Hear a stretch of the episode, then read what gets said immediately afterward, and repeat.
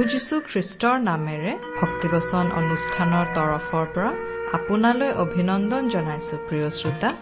আজিৰে পবিত্ৰ ক্ষণতে উজলি উঠা খ্ৰীষ্টৰ জ্যোতি। প্ৰভু যীশুৱে কৈছে হে পৰিশ্ৰান্ত আৰু ভাৰাক্ৰান্ত লোকসকল মোৰ ওচৰলৈ আহা। মই তোমালোকক জিৰণি দিম। যীশুৱে এইদৰে সদায়ে দুখ যাতনা আৰু কষ্টৰ গধুৰ ভাৰত কক বকাই থকা লোকসকলক শান্তি আৰু জিৰণি দিয়াৰ প্ৰতিশ্ৰুতিৰে তেওঁৰ ওচৰলৈ মাতি আছে। কেতিয়াও মিছা নোকোৱা এই ঈশ্বৰে আজিও এইদৰে দুবাহু মেলি বাট চাই ৰৈ আছে। যিকোনো লোকেই তেওঁৰ ওচৰলৈ আহি জীৱনৰ শান্তি আৰু জিৰণি লাভ কৰিব পাৰে। প্ৰিয় শ্ৰোতা এই নিমন্ত্ৰণক আপুনি গ্ৰহণ কৰি তেওঁত নিজকে সমৰ্পণ কৰিব পাৰিব। রামনা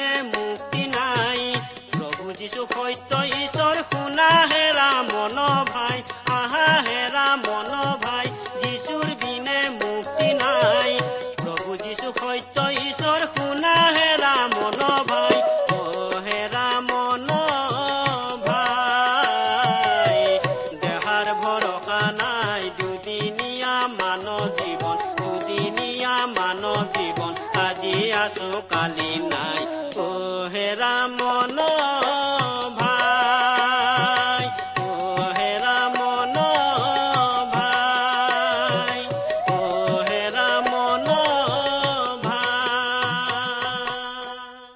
আমাৰ মহান ত্ৰাণকৰ্তা প্ৰভু যীশুখ্ৰীষ্টৰ নামত নমস্কাৰ প্ৰিয় শ্ৰোতা। আশা কৰো পৰম পিতা পৰমেশ্বৰৰ মহান অনুগ্ৰহত আপুনি ভালে কুশলে আছে।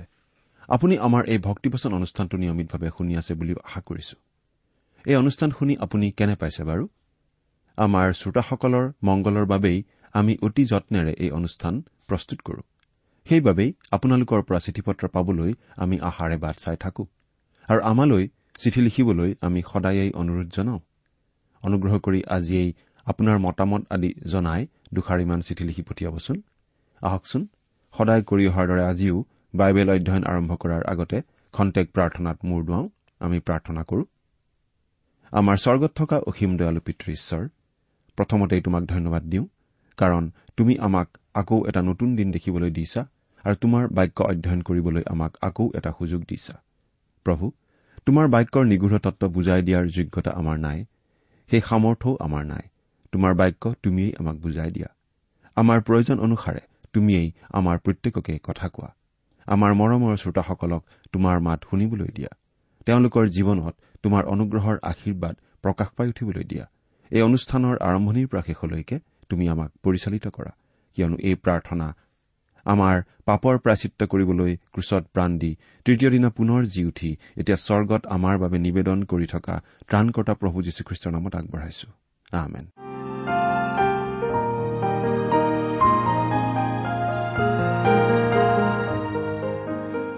প্ৰিয় শ্ৰোতা আপুনি যদি আমাৰ এই ভক্তিপচন অনুষ্ঠানটো নিয়মিতভাৱে শুনি আছে তেনেহলে আপোনাৰ নিশ্চয় মনত আছে যে আমি এতিয়া বাইবেলৰ পুৰণি নিয়ম খণ্ডৰ হিতুপদেশ নামৰ পুস্তকখন অধ্যয়ন কৰি আছো। নহয়নে বাৰু? আজি আলোচনা কৰিবলৈ লোৱা হিতুপদেশ পুস্তকৰ সাত নম্বৰ অধ্যায়টিত কোনো নতুন বিষয় আৰম্ভ কৰা হোৱা নাই। ছয় নম্বৰ অধ্যায়ত আলোচনা কৰা প্ৰজ্ঞাৰ জ্ঞানদায়ক শিক্ষা আমি এই সাত নম্বৰ অধ্যায়তো পাম। বিশেষকৈ ডেকাসকল পতিতা তিৰোতাৰ পৰা আঁতৰি থকাটো কিমান দৰকাৰ সেই বিষয়ে আমি ইয়াৰ আগৰ অধ্যয়নত বিশদভাৱে আলোচনা কৰিছিলো যদিও এই সাত নম্বৰ অধ্যায়টোত আমি আৰু এই বিষয়ে কথা জানিব পাৰিম। এই বিষয়ে আমি এক নম্বৰ পদৰ পৰা চাৰি নম্বৰ পদলৈ পাঠ কৰিছো শুনিবচোন। হে মোৰ বোপা মোৰ বচন পালন কৰা আৰু মোৰ আজ্ঞাবোৰ তোমাৰ মনত ৰাখা। মোৰ আজ্ঞা পালন কৰি জীৱন ধাৰণ কৰা। তোমাৰ চকুৰ মণিৰ দৰে মোৰ ব্যৱস্থা ৰাখা। সেইবোৰ তোমাৰ আঙুলিত বান্ধা আৰু তোমাৰ হৃদয়ৰূপ ফলিত লিখি ৰাখা। তুমি যেন প্ৰজ্ঞা আৰু সুবিবেচনাৰ দ্বাৰাই পৰস্ত্ৰীৰ পৰা এনেকি নিজ বাক্যেৰে খোচামোদ কৰোতা ব্যভিচাৰিণীৰ পৰা ৰক্ষা পোৱা। প্ৰিয় শ্ৰোতা আজিৰ ডেকা মানুহ এজনে যাতে জীৱনৰ সুখ শান্তি হেৰুৱাই পেলোৱা ধ্বংসৰ পৰা আঁতৰি থাকিব পাৰে তাৰ বাবে ঈশ্বৰৰ বচন নিজৰ হৃদয়ত লিখি ল'বলৈ আৰু প্ৰজ্ঞাক নিজৰ চকুৰ মণিৰ দৰে ৰক্ষা কৰিবলৈ ইয়াত কোৱা হৈছে। এনে কৰিলে ডেকাসকলে জীৱনলৈ সৰ্বনাশ মাতি অনা তেনেকুৱা বেশ্যা তিৰোতাৰ পৰা বাচি থাকিব পাৰিব। নহলে মানুহৰ মন অতি চঞ্চল অতি বেগে এই মন ব্যভিচাৰলৈ ধাৱমান হয়। এতিয়া পাঁচ নম্বৰ পদৰ পৰা ন নম্বৰ পদলৈকে পাঠ কৰি দিছো। এই নিমিত্তে প্ৰজ্ঞাক মোৰ ভনী আৰু সুবিবেচনাক তুমি মোৰ প্ৰণয়ৰ বন্ধু বুলি কোৱা। কিয়নো মই মোৰ ঘৰৰ খিৰিকী দুৱাৰৰ ওচৰত থিয় হৈ চিলিঙিয়েদি চাইছিলো। তাতে নিৰ্বোধবোৰৰ ভিতৰৰ এটাৰ ওপৰত মোৰ চকু পৰিল। যুৱকবোৰৰ মাজৰ এজন জ্ঞানশূন্য ডেকাক মই দেখিলো। দিন ওৰ পৰিলত কৃষ্ণপক্ষৰ ৰাতি মাজনিশাৰ আন্ধাৰত সি তাই থকা আলিচুকৰ ওচৰ পাই তাইৰ ঘৰৰ ওচৰেদি গৈ আছিল। প্ৰিয় শ্ৰোতা ইয়াত এখন সুন্দৰ ছবি আঁকি আমাক দেখুওৱা হৈছে। পতিতা তিৰোতা এগৰাকীৰ প্ৰতি মানুহৰ কৌতূহলৰ দৃষ্টি কেনেকৈ হয় আৰু তাইৰ ঘৰলৈ মানুহ কেনেকৈ যায়। তাইৰ ঘৰৰ পিনে যদি কোনো ডেকা যায় তেন্তে তেওঁৰ চলন ফুৰণবিলাক মানুহে লুকাই চুৰকৈ হলেও বৰ সন্তৰ্পণে আৰু বৰ আগ্ৰহেৰে চায়। তেনেকুৱা পতিতা তিৰোতাই ভাবে তাইক কোনেও দেখা নাই কিন্তু তেনে নহয়। অনেক চকুৱে তাইলৈ চাই থাকে। দহ নম্বৰ পদৰ পৰা চৈধ্য নম্বৰ পদলৈকে শুনিবচোন। তাতে চোৱা বেশ্যাৰ সাজ পিন্ধা ধূৰ্তচিত্তা তিৰোতা তাৰ সন্মুখত উপস্থিত হ'ল। তাই হাইদণ্ড কৰোতা আৰু অবাধ্য। তাইৰ ভৰি ঘৰত নাথাকে। তাই এতিয়াই আলিত এতিয়াই চকত উপস্থিত হয়। আৰু আলিৰ চুকে চুকে বাট চাই থাকে। সেই তিৰোতাই তাক ধৰি চুমা খালে আৰু নীলাজ মুখেৰে তাক কলে মোৰ তাত মংগলাৰ্থক বলিদান কৰা হৈছে। আজি মই মোৰ সংকল্প সিদ্ধ কৰিলো। প্ৰিয় শ্ৰোতা এয়া চাওক। তাই বেশ্যা হলেও নিজকে ধাৰ্মিক যেন দেখুৱাই আৰু ঈশ্বৰৰ শান্তি তাইৰ ঘৰত থকা বুলি প্ৰতিজ্ঞা কৰি ডেকাজনক বেশ্যা তিৰোতাৰ মনত এয়া স্বয়ং ছয়তানৰ কাম। পোন্ধৰৰ পৰা বিশ নম্বৰ পদলৈকে পাঠ কৰিছো। এই নিমিত্তে মই তোমাক লগ পাবলৈ আৰু অতি আগ্ৰহেৰে তোমাৰ সাক্ষাৎ হবলৈ বাহিৰলৈ আহিছিলো। এতিয়া মই তোমাক পালো। মই মোৰ বিচনা ফুল বচা কাপোৰেৰে আৰু মিছৰীয়া সূতাৰ গাড়ী দিয়া কাপোৰেৰে সজালো। মই গন্ধৰস অগৰু ডালচেনিৰে মোৰ শয্যা সুগন্ধিযুক্ত কৰিলো। বলা আমি ৰাতিপুৱালৈ কামৰসত মত্ত হওঁ আৰু প্ৰেমত সুখী হওঁ। কিয়নো মোৰ ঘৰৰ মানুহজনো ঘৰত নাই। দূৰ বাটলৈ গৈছে। ধনৰ মোনাও লগত লৈ গৈছে। পূৰ্ণিমা হলেহে ঘৰলৈ ঘূৰি আহিব। প্ৰিয় শ্ৰোতা সেই বেশ্যাই ডেকাক মিছাকৈ কয় যে তাই হেনো তাৰ বাবে বহুদিনৰ পৰা বাট চাই আছে। যে তাক পাই তাই অতি সুখী হৈছে। আনহাতে তাইৰ গিৰিয়েক ঘৰত নাই বাহিৰলৈ গৈছে। কিছুদিনৰ বাবে নাহে বুলি মিছাকৈ কয়। সেইদৰে তাক ব্যভিচাৰলৈ মিছা কথাৰে চলনা কৰে। সেইদৰে খোচামুদি কথাৰে সেই ডেকাক যৌন কামলৈ উত্তেজিত কৰে আৰু কয় যে তাইৰ লগত শয়ন কৰিলে তেওঁৰ কোনো বিপদ হোৱাৰ ভয় নাই। কোনো মানুহে তেওঁলোকক দেখা নাপায়। কিন্তু বেৰৰ জলঙাই দি যে কিমানে চাই আছে সেই কথা তেওঁলোকে নাজানে। একৈশ নম্বৰ পদৰ পৰা তেইছ নম্বৰ পদলৈকে পাঠ কৰি দিছো শুনিবচোন। এইদৰে তাই মুখৰ অনেক কথাৰে তাক সন্মত কৰালে আৰু ওঠৰ খোচামুদি বাক্যৰে তাক ফুচুলাই লৈ গ'ল। যেনেকৈ গৰু হত হবলৈ যায় বা নিৰ্বোধে শাস্তিৰ অৰ্থে বেৰীৰ বান্ধ খাবলৈ যায় তেনেকৈ সিও তেতিয়াই তাইৰ পাছে পাছে গৈ থাকিল। শেষত বানে তাৰ কলিজা বিন্ধিব। ফাণ্ডক প্ৰাণনাশক বুলি নাজানি যেনেকৈ চৰাই ফাণ্ডত পৰিবলৈ শীঘ্ৰে উৰি যায় তেনেকৈ সিও তাইৰ পাছে পাছে গৈ থাকিল। প্ৰিয় শ্ৰোতা এয়া চাওক ডেকা এজনক বেশ্যাই কেনেকৈ তাইৰ কবলত বস কৰি লয় তাৰ ভয়ানক ছবি এটি আমাৰ আগত দাঙি ধৰা নাইনে? ইয়াৰ যোগেদি আজিৰ ডেকাক ঈশ্বৰে সাৱধান কৰি দিছে যাতে তেওঁ সেই তিৰোতাক চিনি পায় আৰু তাইৰ পৰা সাৱধানে থাকে। নহলে নিৰ্বোধে বেৰীত বান্ধ খোৱাৰ দৰে আৰু চৰাই চিকাৰীৰ হাতত পৰাৰ দৰে বেশ্যাৰ ফাণ্ডত পৰিব। অৱশ্যে প্ৰথম অৱস্থাত ডেকাই এই বিপদৰ কথা গম নাপাব কিন্তু ঈশ্বৰে হলে আমাক আগতেই জানিবলৈ দিছে। ঈশ্বৰক দোষিবলৈ তেওঁ কোনো সুৰুঙা ৰখা নাই। চৌবিছ নম্বৰ পদৰ পৰা সাতাইছ নম্বৰ পদলৈকে এতিয়া পাঠ কৰি দিম। এই হেতুকে এতিয়া হে মোৰ বোপাহঁত মোৰ কথা শুনা আৰু মোৰ মুখৰ বাক্যলৈ কাণ পাতা। তোমাৰ চিত্ত তাইৰ পথলৈ ঢাল নাখাওক আৰু তাইৰ পথে বিপদগামী নহবা। প্ৰিয় শ্ৰোতা ইয়াত দুই ধৰণৰ কথা কোৱা হৈছে। প্ৰথমটো হৈছে শাৰীৰিক আৰু আনটো হ'ল আম্মিক শাৰীৰিকভাৱে আমি নিজ ভাৰ্যাৰ বাহিৰে আনৰ লগত যৌন সম্পৰ্ক ৰাখিলে সেয়া হয় বেভিচাৰ। এই কাৰ্য ঈশ্বৰৰ দৃষ্টিত অতি ঘীনলগীয়া। ঠিক সেইদৰে আমি আমাৰ সৃষ্টিকৰ্তা ঈশ্বৰৰ বাহিৰে যদি আনক আমাৰ হৃদয়ত স্থান দিওঁ তেন্তে সেয়া হ'ব আম্মিক বেভিচাৰ আম্মিক বেভিচাৰৰ বিষয়ে অৱশ্যে ঈশ্বৰৰ বহুতো কথা কবলগীয়া আছে। ঈশ্বৰে কৈছে যে তেওঁ নিজৰ লোকক নিজ পথত চলাব বিচাৰিছিল কিন্তু তেওঁলোকে ঈশ্বৰৰ কথা নুশুনিলে আৰু ঈশ্বৰলৈ পিঠি দি দেৱতাৰ মূৰ্তিবোৰত আসক্ত হল। দেৱপূজাই সিহঁতক বশ কৰি ললে। তাৰ ফলত তেওঁলোক সত্য আৰু জীৱন্ত ঈশ্বৰৰ পৰা আঁতৰি আহিল। আৰু আন দেৱতাক নিজৰ হৃদয়ত স্থান দিলে আৰু এই দেৱপূজাই হল আম্মিক ব্যভিচাৰ। আজি আমাৰ মাজত অনেক দাৰ্শনিক আৰু বিভিন্ন ধৰণৰ মতবাদ আছে। তাৰ উপৰিও ভ্ৰান্ত ধৰ্মমতৰো অভাৱ নাই। নানা ধৰণৰ ধৰ্মমতে আমাক অশান্ত আৰু অস্থিৰ কৰি তুলিব ধৰিছে। আজি বহুতে কয় যে আমি আজি যি ধৰণে যীশুখ্ৰীষ্টক অনুসৰণ কৰি আছো তেনে কৰাৰ কোনো প্ৰয়োজনেই নাই। আমাৰ উদ্ধাৰকৰ্তাৰূপে কেৱল যীশুখ্ৰীষ্টৰ ওপৰতে নিৰ্ভৰ কৰিলে নহ'ব। আমি তেওঁলোকৰ দললৈ যাব লাগে আৰু তেওঁলোকৰ পথত চলিব লাগে ইত্যাদি ইত্যাদি কথা তেওঁলোকে কয়। এইদৰে মানুহে আজি আমাক আম্মিক ব্যভিচাৰলৈ আহান কৰি থাকে। তেওঁলোকৰ তেনে আহানত যদি আমি ভুল যাওঁ আমিও আম্মিক ব্যভিচাৰত পৰিম। এগৰাকী ঈশ্বৰভক্ত মহাশয়ে কৈছে যে জীৱনৰ এটা সময়ত তেখেতে গালাটীয়া পুস্তকৰ ওপৰত শিক্ষা দি আছিল আৰু তেতিয়া কৈছিল যে পৰিত্ৰাণৰ ক্ষেত্ৰত বিশ্বাসৰ সমান আন একো নাই। তাৰমানে তেখেতে কৈছিল যে পৰিত্ৰাণ পাবলৈ হলে আমি যীশুখ্ৰীষ্টক উদ্ধাৰকৰ্তাৰূপে মনে প্ৰাণে বিশ্বাস কৰিবই লাগিব। অহ এই কথা তেখেতে কবলৈহে পালে। তেখেতলৈ জাউৰীয়ে জাউৰীয়ে চিঠি আহিবলৈ ধৰিলে। কিছুমানে বৰ বেয়া বেয়া কথাও লিখিছিল। তাৰ ভিতৰত কিছুমানে লিখিছিল এনেদৰে। আপুনি কৈছে যে আমি মুচিৰ বিধানৰ পৰা মুক্ত হ'ব লাগিব। কিন্তু তেখেতে ক'ব বিচাৰিছিল যে বিধান ভাল বস্তু কিন্তু আমি তেজ মঙহৰ মানুহবিলাকহে দুৰ্বল। পাপৰ প্ৰবৃত্তি আমাৰ আছে সেইকাৰণে এই অৱস্থাত আমি বিধান পালন কৰিব নোৱাৰো। আনহাতে উদ্ধাৰ পাবলৈ বিধান দিয়াও হোৱা নাছিল।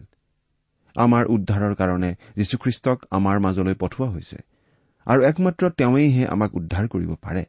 অৰ্থাৎ আমি আমাৰ নিজৰ কৰ্ম আৰু চেষ্টাৰ ওপৰত নিৰ্ভৰ নকৰি যেতিয়া খ্ৰীষ্টৰ ওপৰত নিৰ্ভৰ কৰো তেতিয়া আমি পৰিত্ৰাণ পাওঁ। তদুপৰি কিছুমানে লিখিছিল যে মহাশয়গৰাকীৰ কথা ভুল হৈছিল অৰ্থাৎ তেখেতে কোৱা উচিত আছিল বাপ্তিস্মনো কেনেধৰণে দিয়া উচিত? কিছুমানে লিখিছিল যে কোনটো খ্ৰীষ্টীয় সম্প্ৰদায়ত তেওঁলোক থকা উচিত সেই বিষয়েহে তেওঁ শিক্ষা দিব লাগিছিল। আৰু কিছুমানে লিখিছিল যে খ্ৰীষ্টত বিশ্বাস কৰা সকলেও বিধান পালন কৰিব লাগে বুলি শিক্ষা দিব লাগিছিল। কিন্তু সেই মহাশয়গৰাকীয়ে তেওঁলোকক উত্তৰ দিছিল যে খ্ৰীষ্টীয় লোক এজন যিহেতু বিশ্বাসৰ দ্বাৰাই খ্ৰীষ্টৰ লগত সংযুক্ত হয় আৰু খ্ৰীষ্টই যিহেতু তেওঁৰ কাৰণে সকলো বিধান সিদ্ধ কৰিছে আৰু পৰিত্ৰাণৰ কাৰ্য সম্পূৰ্ণ কৰিছে সেয়েহে সেই লোকজনে কেৱল খ্ৰীষ্টৰ আজ্ঞাহে পালন কৰা উচিত। আনহাতে খ্ৰীষ্টৰ আজ্ঞা বৰ কঠোৰ আৰু গধুৰ নহয়। তেওঁৰ আজ্ঞা হ'ল আমি ঈশ্বৰৰ আত্মাৰ দ্বাৰা পৰিপূৰ্ণ হ'ব লাগে আৰু ইজনে সিজনক প্ৰেম কৰি চলিব লাগে। এই দুটাই হ'ল সকলো আজ্ঞাৰ মূল। এই দুটা আজ্ঞা যদি আমি পালন কৰো তেন্তে ঈশ্বৰৰ সকলো আজ্ঞাকেই পালন কৰিছো আৰু খ্ৰীষ্টকো প্ৰেম কৰিছো। লগতে আমি খ্ৰীষ্টৰ লগত সংযুক্তও হৈছো আৰু সকলোৰে ঊৰ্ধত আছো। আৰু ইয়াৰ প্ৰমাণ হ'ল পবিত্ৰ আত্মাৰ ফল প্ৰেম শান্তি আনন্দ ইত্যাদি সৎগুণবোৰ আমাৰ আছে। কিন্তু ইয়াৰ বিপৰীতে খোচামোদকাৰিণী বেশ্যা তিৰোতাৰ দৰে নানা ধৰণৰ দৰ্শন মতবাদ আৰু বিশ্বাসে আমাক মাতি আছে। নানা ধৰণৰ চলাহী আৰু মিছা কথাৰে আমাক প্ৰলোভন দেখুৱাই আছে। তেওঁলোকে কৈ আছে আমাৰ লগতহে ঈশ্বৰ আছে। আমাৰ পথতহে প্ৰকৃত শান্তি আছে। আমাৰ ইয়াত তুমি জীৱনৰ শেষলৈকে নিজ ইচ্ছামতে আমোদ কৰিব পাৰিবা। আহা তুমি আমাৰ দললৈ আহা। এনেবোৰ কথা মুখেৰে কৈ আছে। কাগজে পত্ৰই লিখি সকলোৰে ঘৰে ঘৰে বিতৰণ কৰি আছে। আনহে নালাগে অনাতাঁৰ কথাছবি দূৰদৰ্শন ইত্যাদিৰেও আমাক আমন্ত্ৰণ কৰি আছে আমাক আক্ৰমণ কৰি আছে। এই আমন্ত্ৰণত ভুল গৈ আপুনি যদি খ্ৰীষ্টক বাদ দিয়ে বা বিশ্বাস নকৰাকৈ থাকে তেন্তে আপুনি আম্মিকভাৱে ব্যভিচাৰ কৰাৰ নিচিনাই হয়। কাৰণ সত্য ঈশ্বৰক বাদ দি আপুনি আম্মিক বেশ্যাত আসক্ত হোৱাৰ নিচিনা হয়। এই বেশ্যাত আসক্ত হোৱা মানে ঈশ্বৰৰ বাক্যত আমাক কোৱা হৈছে যে আমি বলি দিবলৈ নিয়া জন্তুৰ দৰে হৈছো আৰু নিৰ্বোধে শাস্তি পাবলৈ বেৰীৰে বান্ধ খোৱাৰ দৰে হৈছো। প্ৰিয় শ্ৰোতা শাৰীৰিকভাৱে বেশ্যাত আসক্ত হোৱা যিমান ভয়ানক তাতকৈ যীশুখ্ৰীষ্টক উদ্ধাৰকৰ্তাৰূপে গ্ৰহণ নকৰা ব্যভিচাৰটো অধিক ভয়ানক। কাৰণ যীশুখ্ৰীষ্টক উদ্ধাৰকৰ্তাৰূপে গ্ৰহণ নকৰা মানেই হ'ল অনন্ত মৃত্যু। অৰ্থাৎ অনন্তকাল নৰকত শাস্তি খাই অনন্তকালে মৰি থকা। এই শাস্তি বৰ ভয়ানক শাস্তি। আপুনি যদি এই শাস্তিৰ পৰা ৰক্ষা পাব বিচাৰে তেন্তে প্ৰভু যীশুক উদ্ধাৰকৰ্তাৰূপে গ্ৰহণ কৰক। আমি ভাবো যে বেশ্যা তিৰোতাগৰাকী হল বিভিন্ন ধৰণৰ দেৱ পূজা ভুল মতবাদ আৰু ভ্ৰান্ত ধৰ্মৰ এটা বৰ উপযুক্ত ছবি। এইবিলাক বেশ্যা তিৰোতাৰ নিচিনা ৰংচঙীয়া অভিলাষী আৰু আকৰ্ষণীয়। প্ৰথম অৱস্থাত ই বৰ মিঠা। কিন্তু পাছত ই বৰ বিষাক্ত আৰু ধ্বংসাত্মক। নৰকেই হল ইয়াৰ শেষ পৰিণতি। প্ৰিয় শ্ৰোতা ইমান পৰে আপুনি বেশ্যা তিৰোতাৰ বিষয়ে শুনিলে। যদি আপুনি ইতিমধ্যে শাৰীৰিকভাৱে তেনেকুৱা তিৰোতাত আসক্ত হৈছে তেন্তে অপৰাধ নিশ্চয় কৰিছে। কিন্তু আন্তৰিক অনুশোচনাৰে যদি প্ৰভু যীশুৰ ওচৰত সেই অপৰাধ স্বীকাৰ কৰে আৰু সেই অপৰাধৰ কাৰণে ক্ষমা বিচাৰে তেন্তে তেওঁ আপোনাক নিশ্চয় ক্ষমা কৰিব আৰু অন্তৰত শান্তিদান কৰিব। প্ৰথম জোহন এক নম্বৰ অধ্যায় ন নম্বৰ পদ চাওক। প্ৰথম জোহন এক নম্বৰ অধ্যায় ন নম্বৰ পদ। আৰু যদি আপুনি এতিয়াও যীশুখ্ৰীষ্টক উদ্ধাৰকৰ্তাৰূপে গ্ৰহণ কৰা নাই তেন্তে আম্মিকভাৱে ব্যভিচাৰত পৰি আছে অৰ্থাৎ ঈশ্বৰৰ দৃষ্টিত ঘৃণনীয় হৈ আছে। এই কথা ভাবি চাওক। আৰু যদিহে আপুনি তেনেকুৱা অৱস্থাত আছে তেনেহলে প্ৰভু যীশুক আপুনি গ্ৰহণ কৰক। এতিয়া ছাব্বিছ আৰু সাতাইছ নম্বৰ পদ দুটা পাঠ কৰি দিছো শুনিবচোন। কিয়নো তাই অনেকক বধ কৰি পেলালে। এনেকি তাই বধ কৰা লোক অতিশয় অধিক তাইৰ বাটেই চিউলৰ বাট আৰু মৃত্যুৰ অন্তঃপুৰলৈ নামি যোৱা পথ। প্ৰিয় শ্ৰোতা ইয়াত তাই বুলি সেই বেশ্যা তিৰোতাগৰাকীক বুজোৱা হৈছে যদিও আম্মিক বেশ্যাৰ ক্ষেত্ৰতহে এই কথাটো বিশেষভাৱে প্ৰযোজ্য বুলি আমি বুজি পাওঁ। অৰ্থাৎ ভ্ৰান্ত বিশ্বাসত আসক্ত হোৱা লোকৰ ক্ষেত্ৰত ই বিশেষভাৱে প্ৰযোজ্য। তাৰ মানে যীশুখ্ৰীষ্টৰ বাহিৰে আন বিশ্বাসত আসক্ত হোৱা লোক আমাৰ মাজত অনেক বেছি। তাৰ প্ৰমাণস্বৰূপে আজি যদি এজন যিকোনো মানুহক সোধা হয় যিজনে যীশুখ্ৰীষ্টক গ্ৰহণ কৰা নাই। তেওঁক যদি সোধা হয় যে মৃত্যুৰ সিপাৰৰ জীৱনত আপুনি বিশ্বাস কৰেনে? তাৰ উত্তৰত তেওঁ নিশ্চয় কৰো বুলিয়েই ক'ব। কিন্তু তাৰ পৰিণতি কি হ'ব বুলি যদি তেওঁক সোধা হয় তেওঁ নাজানো বুলি ক'ব। ইয়াৰ কাৰণ হ'ল যীশুখ্ৰীষ্টৰ বাহিৰে কোনো ধৰণৰ বিশ্বাসতেই স্বৰ্গলাভৰ অধিকাৰ দিয়া হোৱা নাই। বা পৰিত্ৰাণ পোৱাৰ নিশ্চয়তা দিব পৰা তেনেকুৱা কোনো বিশ্বাস নাই যীশুখ্ৰীষ্টৰ বাহিৰে। কাৰণ যীশুৰ বাহিৰে মানুহৰ বাবে স্বৰ্গলৈ যোৱা পথ কোনো মানুহ বা কোনো বিশ্বাসে প্ৰস্তুত কৰিব পৰা নাই। আৰু তেনেকুৱা পথ দাবী কৰি কোনো বিশ্বাসেই তেনেকুৱা দাবী আগবঢ়োৱা নাই। একমাত্ৰ যীশুখ্ৰীষ্টইহে স্বৰ্গৰ পৰা আহিছিল আৰু মৃত্যুৰ পাছত পুনৰ জি উঠি তেওঁহে জীৱন্তে স্বৰ্গলৈ গৈছে। লগতে যীশুখ্ৰীষ্টই নিজে দাবী কৰি এইদৰে কৈছে ময়েই বাট মোৰ যোগেদি নগলে পিতৃৰ ওচৰলৈ কোনো যাব নোৱাৰে। এয়া প্ৰভু যীশুখ্ৰীষ্টৰ প্ৰত্যাহ্বান। এই প্ৰত্যাহ্বানক আজিলৈ কোনেও নাকচ কৰিব পৰা নাই বা অসত্য বুলি প্ৰমাণ কৰিব পৰা নাই। এই প্ৰত্যাহ্বান আপোনাৰ বাবে মোৰ বাবে আৰু সকলো মানুহৰ বাবে। এই আহ্বানে আপোনাক কৈছে যে যদি আপুনি যীশুখ্ৰীষ্টক মুক্তিদাতা আৰু প্ৰভুৰূপে বিশ্বাসেৰে গ্ৰহণ নকৰে তেন্তে আপুনি ঈশ্বৰৰ স্বৰ্গৰাজ্যত কেতিয়াও স্থান নাপাব। এই কথা শুনিবলৈ অলপ কঠোৰ যেন লাগে অলপ উগ্ৰ গোড়া যেন লাগে। কিন্তু এই কথা প্ৰভু যীশুৱে কোৱা কথা আৰু এই কথা অতি সত্য। কাৰণ ইয়াক অসত্য বুলি আজিলৈকে কোনেও প্ৰমাণ কৰিব পৰা নাই। ইয়াৰ বিপৰীতে যিমানবিলাক লোকে আজি যীশুখ্ৰীষ্টক নিজৰ নিজৰ ত্ৰাণকৰ্তা বুলি গ্ৰহণ কৰিছে সিমানবিলাক লোকেই মৃত্যুৰ পাছত স্বৰ্গ পোৱাৰ নিশ্চয়তা এই জীৱনতে লাভ কৰিছে। এই নিশ্চয়তা কেৱল কিতাপৰ পাতত থকা কথা নহয় হৃদয়ত লিখা কথা। তেনেকুৱা মানুহৰ হৃদয়ত এই নিশ্চয়তা লিখা হৈছে। এই বিষয়ে ঈশ্বৰে ইব্ৰী দহ নম্বৰ অধ্যায়ত এইদৰে কৈছে যে যিসকল লোকে প্ৰভু যীশুক বিশ্বাস কৰিছে তেওঁলোকে সৈতে তেওঁ এটি নতুন নিয়ম কৰিব। সেই নিয়মটিৰ বিষয়ে ঈশ্বৰে এনেদৰে কৈছে তেওঁলোকৰ চিত্তত মোৰ বিধান দিম আৰু তেওঁবিলাকৰ হৃদয়ত তাক লিখিম। এই কথা কোৱাৰ পাছত তেওঁ আকৌ এনেদৰে কৈছে আৰু মই তেওঁবিলাকৰ পাপ আৰু অধৰ্মবোৰ আৰু নুসুঁৱৰিম। প্ৰিয় শ্ৰোতা আপুনি যাতে মৃত্যুৰ পাছত ঈশ্বৰৰ স্বৰ্গৰাজ্যত অধিকাৰ পাব পাৰে তাৰ বাবে ঈশ্বৰে প্ৰমাণ সহকাৰে ইমানবোৰ কথা কৈ আপোনাক বুজনি দিছে। তথাপিতো আপুনি যদি নুশুনে আৰু নুবুজে তেতিয়াহ'লে এয়া আপোনাৰ নিৰ্বোধতাৰ পৰিচয় আপুনি নিজে দিছে। আৰু তাৰ বাবে আপুনি ঈশ্বৰক কেতিয়াও দোষাৰোপ কৰিব নোৱাৰিব। ঈশ্বৰৰ বচনৰ পোহৰত চাবলৈ জানিলে মানুহে দেখিব যে বহু দুৰ্ভগীয়া মানুহে দুই প্ৰকাৰে দুবিধ ব্যবিচাৰত লিপ্ত আছে। অতিপাত দুৰ্ভগীয়া এই মানুহবিলাকে দুই প্ৰকাৰে তেওঁলোকৰ জীৱনত দুগুণে ব্যভিচাৰ কৰি আছে। নিজৰ শৰীৰৰ বিৰুদ্ধেও আৰু নিজৰ আত্মাৰ বিৰুদ্ধেও। শাৰীৰিক ব্যভিচাৰে মানুহজনৰ শাৰীৰিক মৃত্যু নঘটালেও আধ্যামিক ব্যভিচাৰে কিন্তু মানুহজনৰ আত্মাৰ মৃত্যু নিশ্চিত কৰি তোলে। কিন্তু ধন্য হওক ঈশ্বৰৰ নাম। কাৰণ দুয়ো প্ৰকাৰ ব্যভিচাৰৰ পৰা ৰক্ষা পোৱাৰ এই বাট ঈশ্বৰে প্ৰভু যীশুখ্ৰীষ্টৰ জৰিয়তে ৰাখিছে। শাৰীৰিক ৰূপে আপুনি ব্যভিচাৰত পতিত হৈছে নেকি বাৰু প্ৰিয় শ্ৰোতা? প্ৰথম জোহন প্ৰথম অধ্যায় ন নম্বৰ পদৰ ভিত্তিত সেই সমস্যাৰ মোকাবিলা আপুনি কৰিব পাৰে। আৰু যদিহে তেনেকুৱা সমস্যাত আছে তেতিয়াহ'লে সেই সমস্যাৰ মোকাবিলা আপুনি কৰা উচিত।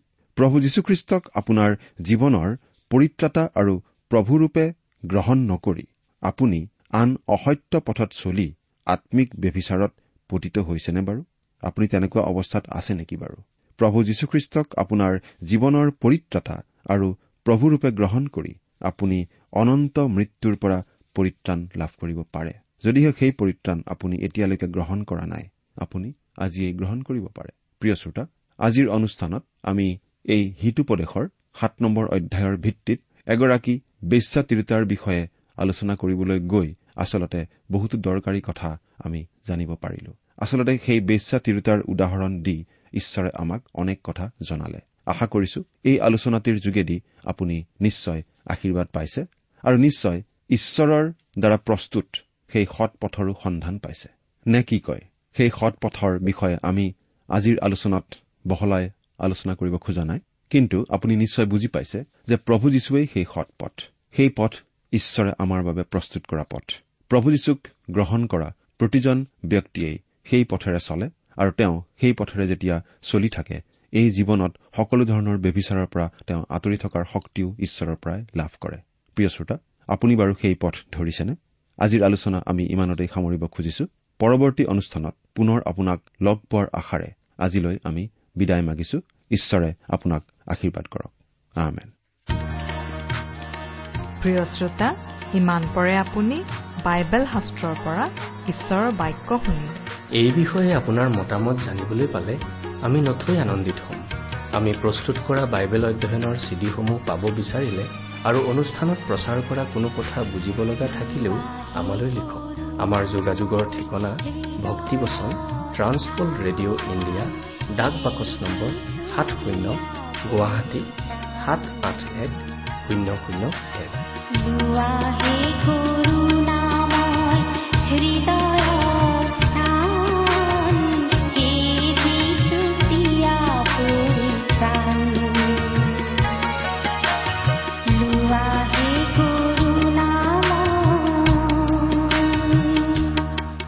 ঠিকনাটো আকৌ এবাৰ কৈছো ভক্তিবচন ট্ৰান্স ৱৰ্ল্ড ৰেডিঅ' ইণ্ডিয়া ডাক বাকচ নম্বৰ সাত শূন্য গুৱাহাটী সাত আঠ এক শূন্য শূন্য এক।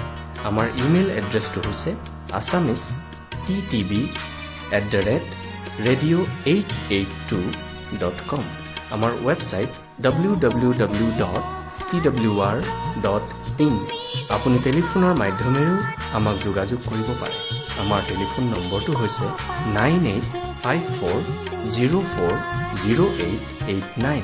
Phone নম্বৰটো আকৌ এবাৰ কৈছো ন আঠ পাঁচ চাৰি শূন্য চাৰি শূন্য আঠ আঠ ন।